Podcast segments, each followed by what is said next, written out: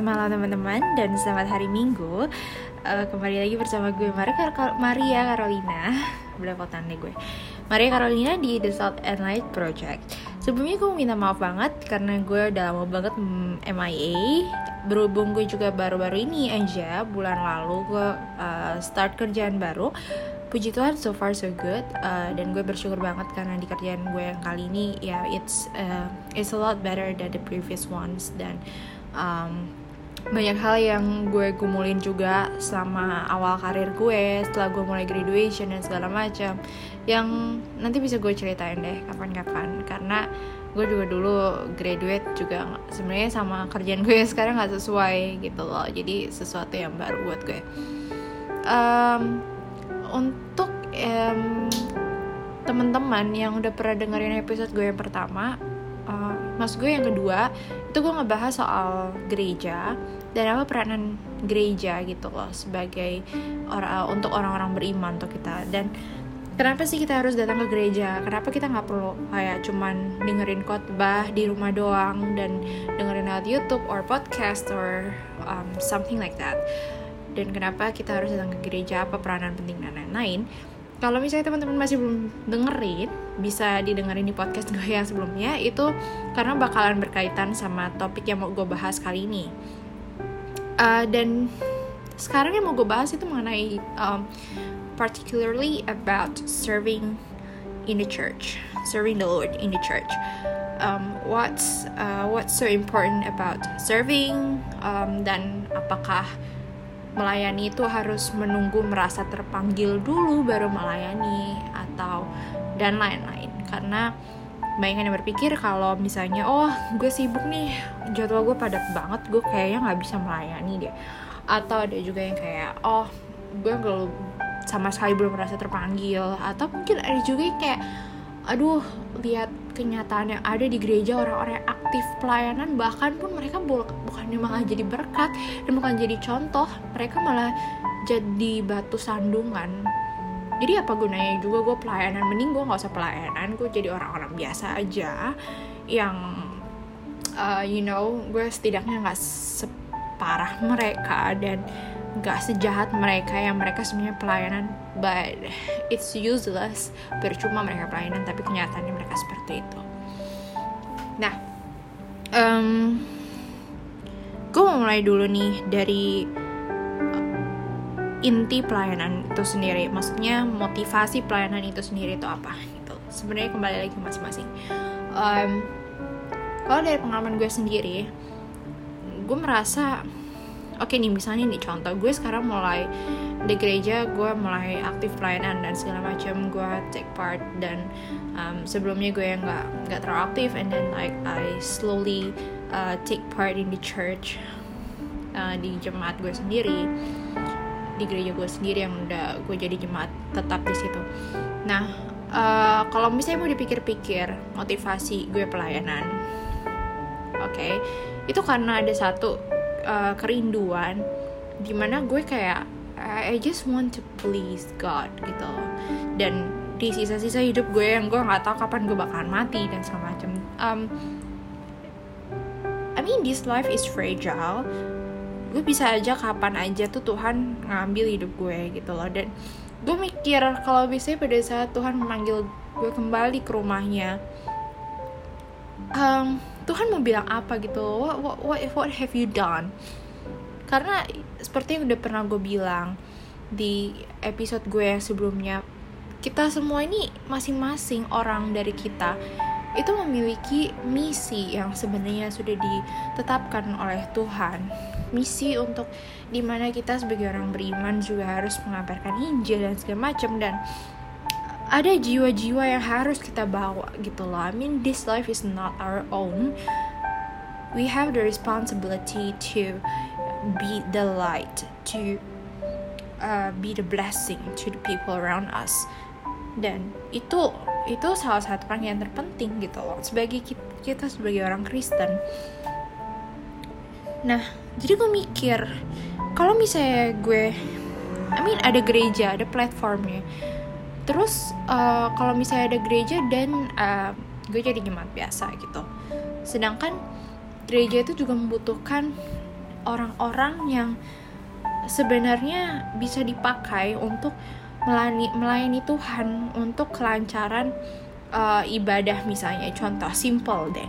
Contoh simple. Misalnya dalam ibadah itu sendiri biasanya ada apa aja sih proyektor. Misalnya kalau di gereja gue butuh proyektor piano orang main piano. Terus ada orang nyanyi juga.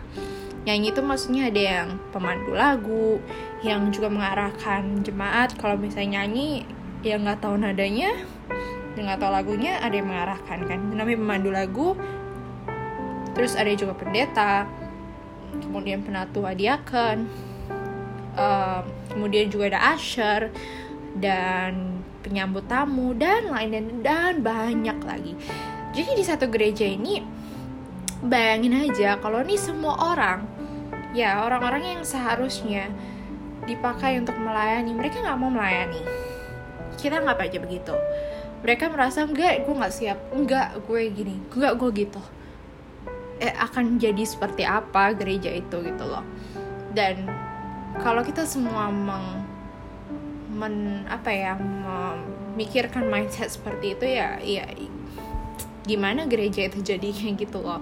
Dan sedangkan gereja itu membutuhkan orang-orang yang seperti ini yang bertalenta. Dan gue pernah dengar satu khotbah di gereja mengenai talenta. Jadi talenta itu sebenarnya bukan sesuatu yang harus besar gitu loh. Dalam arti kayak lo harus pinter nyanyi lo harus pinter kayak uh, berkhotbah lo harus pinter berkata-kata lo harus pinter dan lain-lain. I mean just something as simple as um, smiling at people terus juga kayak menyambut teman-teman menyambut orang-orang yang datang ke gereja seperti itu it's it sounds like something very simple tapi itu juga berdampak yang sangat besar bagi orang gitu loh. Dan bayangin aja kalau misalnya ada orang yang datang ke gereja habis itu orang gak ada yang nyambut gitu. Dan gak ada yang datang ke mereka. How they feel? Mereka nggak beberapa orang mungkin ada yang merasa biasa aja. Tapi ada beberapa orang yang mengharapkan untuk mereka di welcome untuk mereka di reach out. Um, ada yang memulai percakapan dengan mereka dan segala macam orang-orang yang ditunjuk seperti inilah uh, yang ditunjuk misalnya sebagai usher inilah yang memang ditugaskan atau bertugas untuk reach out ke mereka. Makanya di gereja gue kayak misalnya ada orang-orang yang baru pernah datang ke gereja itu mereka akan disambut mereka akan juga di welcome sama usher-usher di gereja gue nah bahkan hal sekecil itu pun it matters. At least di mata Tuhan itu it matters so much. Karena itu berhubungan dengan kelangsungan gereja juga dan ibadah. Dan itu juga yang bisa mempengaruhi hal kecil sekecil itu bisa mempengaruhi um, keseluruhan gereja. Ya, kualitas gereja juga itu mempengaruhi dan semuanya. Makanya kalau mau di bilang tuh pelayanan itu sebenarnya lebih kepada hasil uh, pada saat misalnya pada saat kita percaya pada Tuhan dan menyerahkan hidup kita ke Tuhan dan kita mau hidup kita diubahkan oleh Tuhan. Tuhan yang akan memampukan kita ada satu kayak kerinduan gitu kerinduan untuk please God, kerinduan untuk menyenangkan hatinya, kerinduan untuk benar-benar melayaninya. Dengan cara apa? Kita mau datang ke gereja, kita mau uh, bersekutu dengan teman-teman seiman kita, kita mau uh, saling menguatkan satu sama lain, kita mau uh, saling melayani satu sama lainnya dengan seperti itu. Jadi bukan dengan mindset dengan cara mindset bahwa saat gue melayani gue akan diselamatkan. Saat gue melayani gue akan masuk surga. Enggak jadi um, sebab akibatnya tuh terbalik gitu. Sebabnya karena gue udah diselamatkan karena gue udah um, diselamatkan oleh Allah oleh Tuhan Yesus. Melalui Tuhan Yesus yang sudah mati di kayu salib menebus dosa-dosa kita yang mau gue lakukan pada saat gue sudah menerima dia dalam kehidupan gue pribadi yang mau gue lakukan adalah gue mau melayani Tuhan jadi melayani Tuhan itu adalah suatu akibat oke okay? bukan suatu sebab bukan kebalikannya di mana mana di mana orang kebaikan orang berpikir kalau gue melayani maka Tuhan akan senang sama gue dan gue akan diselamatkan. No it, it doesn't work like that. Bahkan jadinya kebalikannya seharusnya. Gitu ya ngerti ya? Dan memang terlihat kalau misalnya seseorang yang benar-benar um, I mean kita balik refleksi ya masing-masing ya. Kita refleksi masing-masing um, kenapa sih gue nggak ada kerinduan sama sekali untuk melayani Tuhan? It can be a, a big question mark ya. Untuk kita yang sebenarnya uh, menumpang agama apa namanya kayak bukan menumpang sih kalau bahasanya itu lebih kayak kita memakai nama kita sebagai orang Kristen tapi kita nggak pernah refleksi gitu. Kita nggak pernah uh, coba uh, menghayati lagi kenapa sih aku melayani? Kenapa aku nggak mau melayani juga? Oke okay, contoh kalau misalnya kita belum mau melayani. Why? Tanya ke diri kita sendiri kenapa? Kenapa kita masih belum mau melayani? Oke okay, pertama sibuk. Sibuk apa? Sibuk kerja kah? Sibuk uh, ya nggak tahu. Gue pernah oke okay, gue ada cerita nih mantan gue itu tuh dia tuh workaholic banget. Sebenarnya nggak workaholic cuman karena dia bener-bener kayak pokoknya jadi orang sukses dan segala macem dia bener-bener kayak aduh gue pokoknya harus sukses gue harus sukses gue harus punya uang banyak and then in the end gue mau uh, punya rumah yang bagus dan segala macam terus gue yang kayak um, oke okay, fine and then dan dia tuh yang kayak gak gak mau melayani gitu. Karena dia bilang gue nggak tahu bakalan sibuk apa gue sama kerjaan gue yang baru. Karena um, at that time dia juga mau pindah kerjaan baru. Terus dia kayak aduh gak deh gue nggak melayani. Tunggu sampai gue udah uh, settle dulu di karir gue setelah gue settle di karir gue baru gue mau melayani. I mean it was I feel like it's wrong gitu. Kalau misalnya lo nunggu sampai lo karir lo udah nanjak sampai lo settle dulu baru abis itu lo mau melayani wow I mean emang lo tahu kapan lo sukses I mean kalau misalnya gue sendiri ya kayak Ih, gue nggak pernah tahu. I mean, bukan cuma gue sendiri. Kita semua sebagai manusia kita nggak akan ada yang tahu kapan Tuhan akan memanggil kita. Dan kita dengan pede-pedenya kita mengatakan bahwa gue mau melayani Tuhan tunggu tunggu sampai nanti gini-gini, tunggu sampai A, tunggu sampai B dan segala macam alasan yang mungkin kita buat. Mungkin sebenarnya bukan alasan lebih tepatnya kebanyakan dari manusia tuh nggak sadar kalau ternyata mereka lebih mengutamakan hal lain gitu loh dan sebenarnya memang kalau gue bilang uh, melayani di gereja itu tidak itu bukan sebuah keharusan. Karena itu berdasarkan dari kesadaran orang tuh masing-masing setelah mereka uh, lahir baru.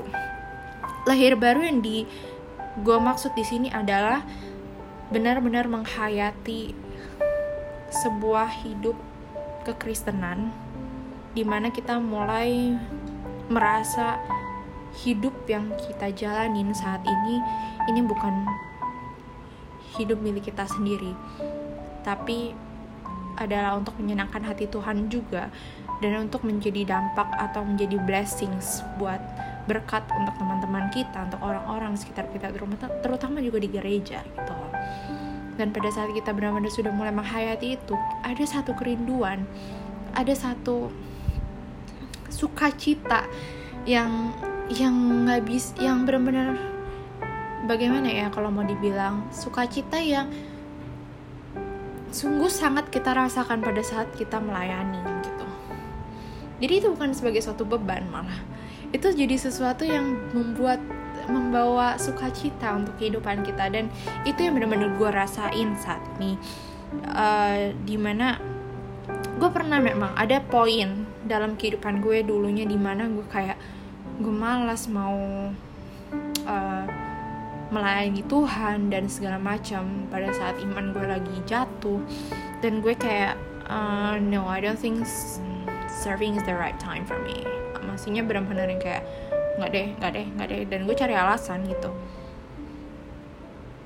Tapi pada saat gue benar-benar menghayati itu yang namanya misi tersebut di mana kita mau menjadi berkat untuk orang lain slowly itu kayak Tuhan memampukan gue gitu loh. Kayak ada satu kerinduan di mana aduh Tuhan aku ingin melayani engkau. Aku ingin uh, aku ingin menyenangkan hatimu.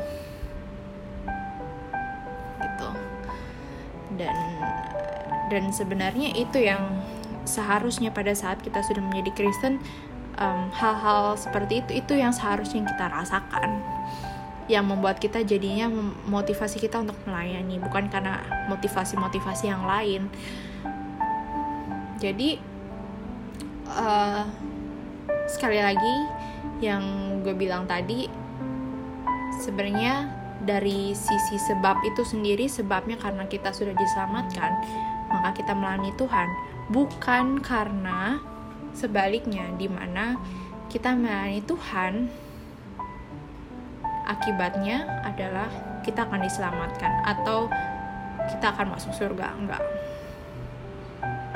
Karena banyak orang yang justru malah mereka melayani jadinya jatuh.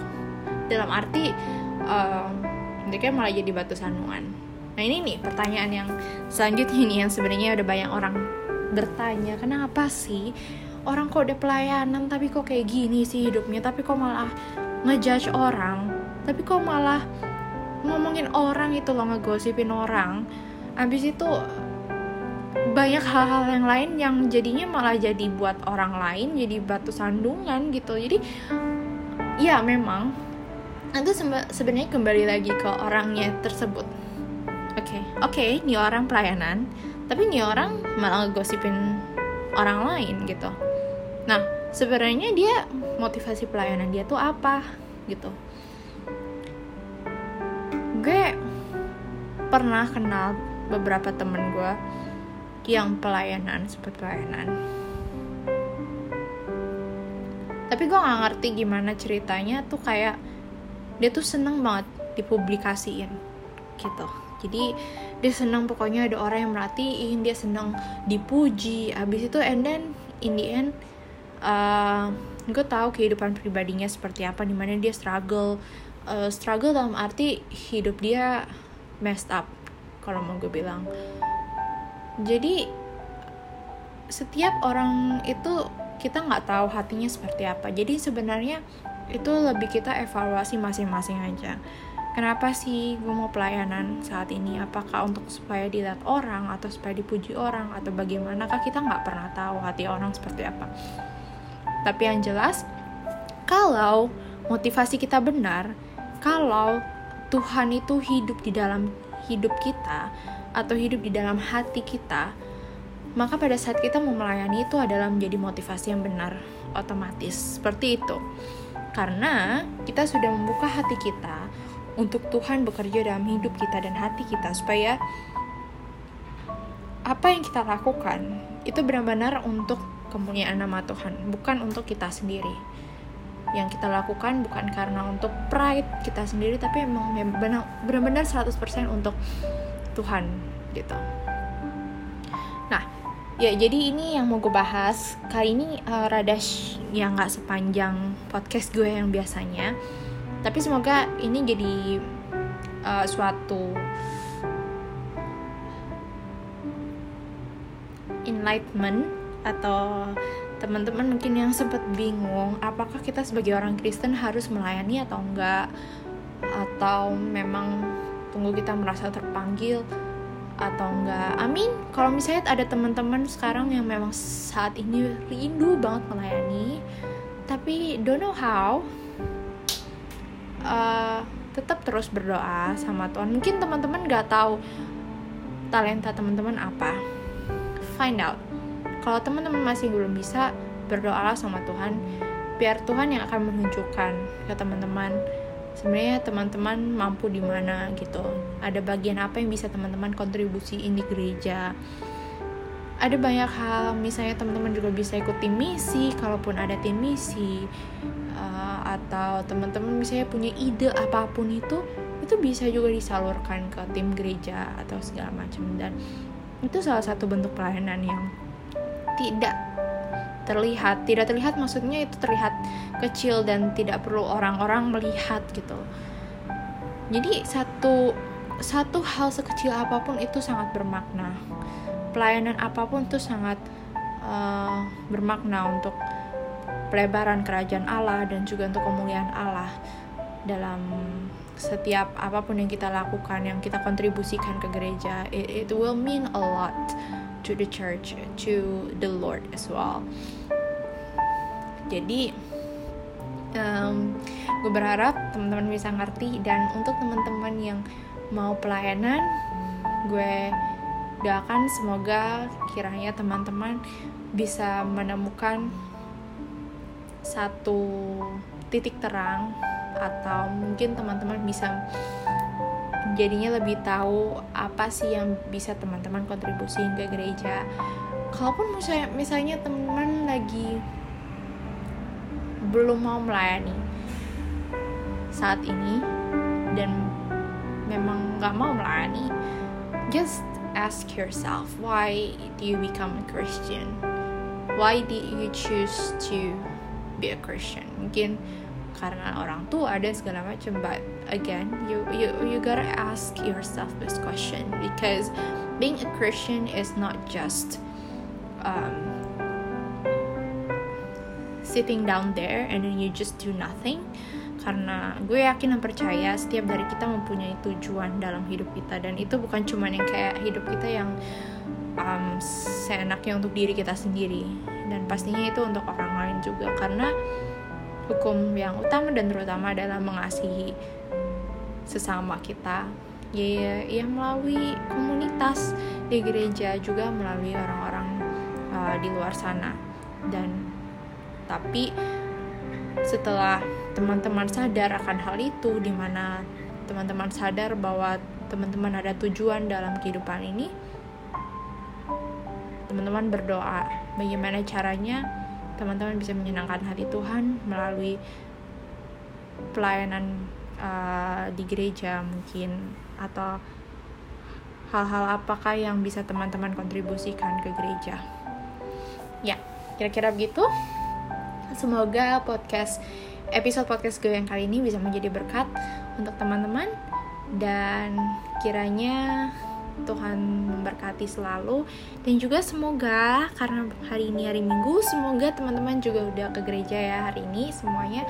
Dan tetap selalu menjadi berkat untuk teman-teman uh, di sekitar kalian bahkan di kehidupan pekerjaan kalian juga. Karena besok hari Senin dan selamat beristirahat dan juga ya selamat hari Minggu dan sampai jumpa di episode podcast gue yang selanjutnya. Bye bye, Tuhan memberkati.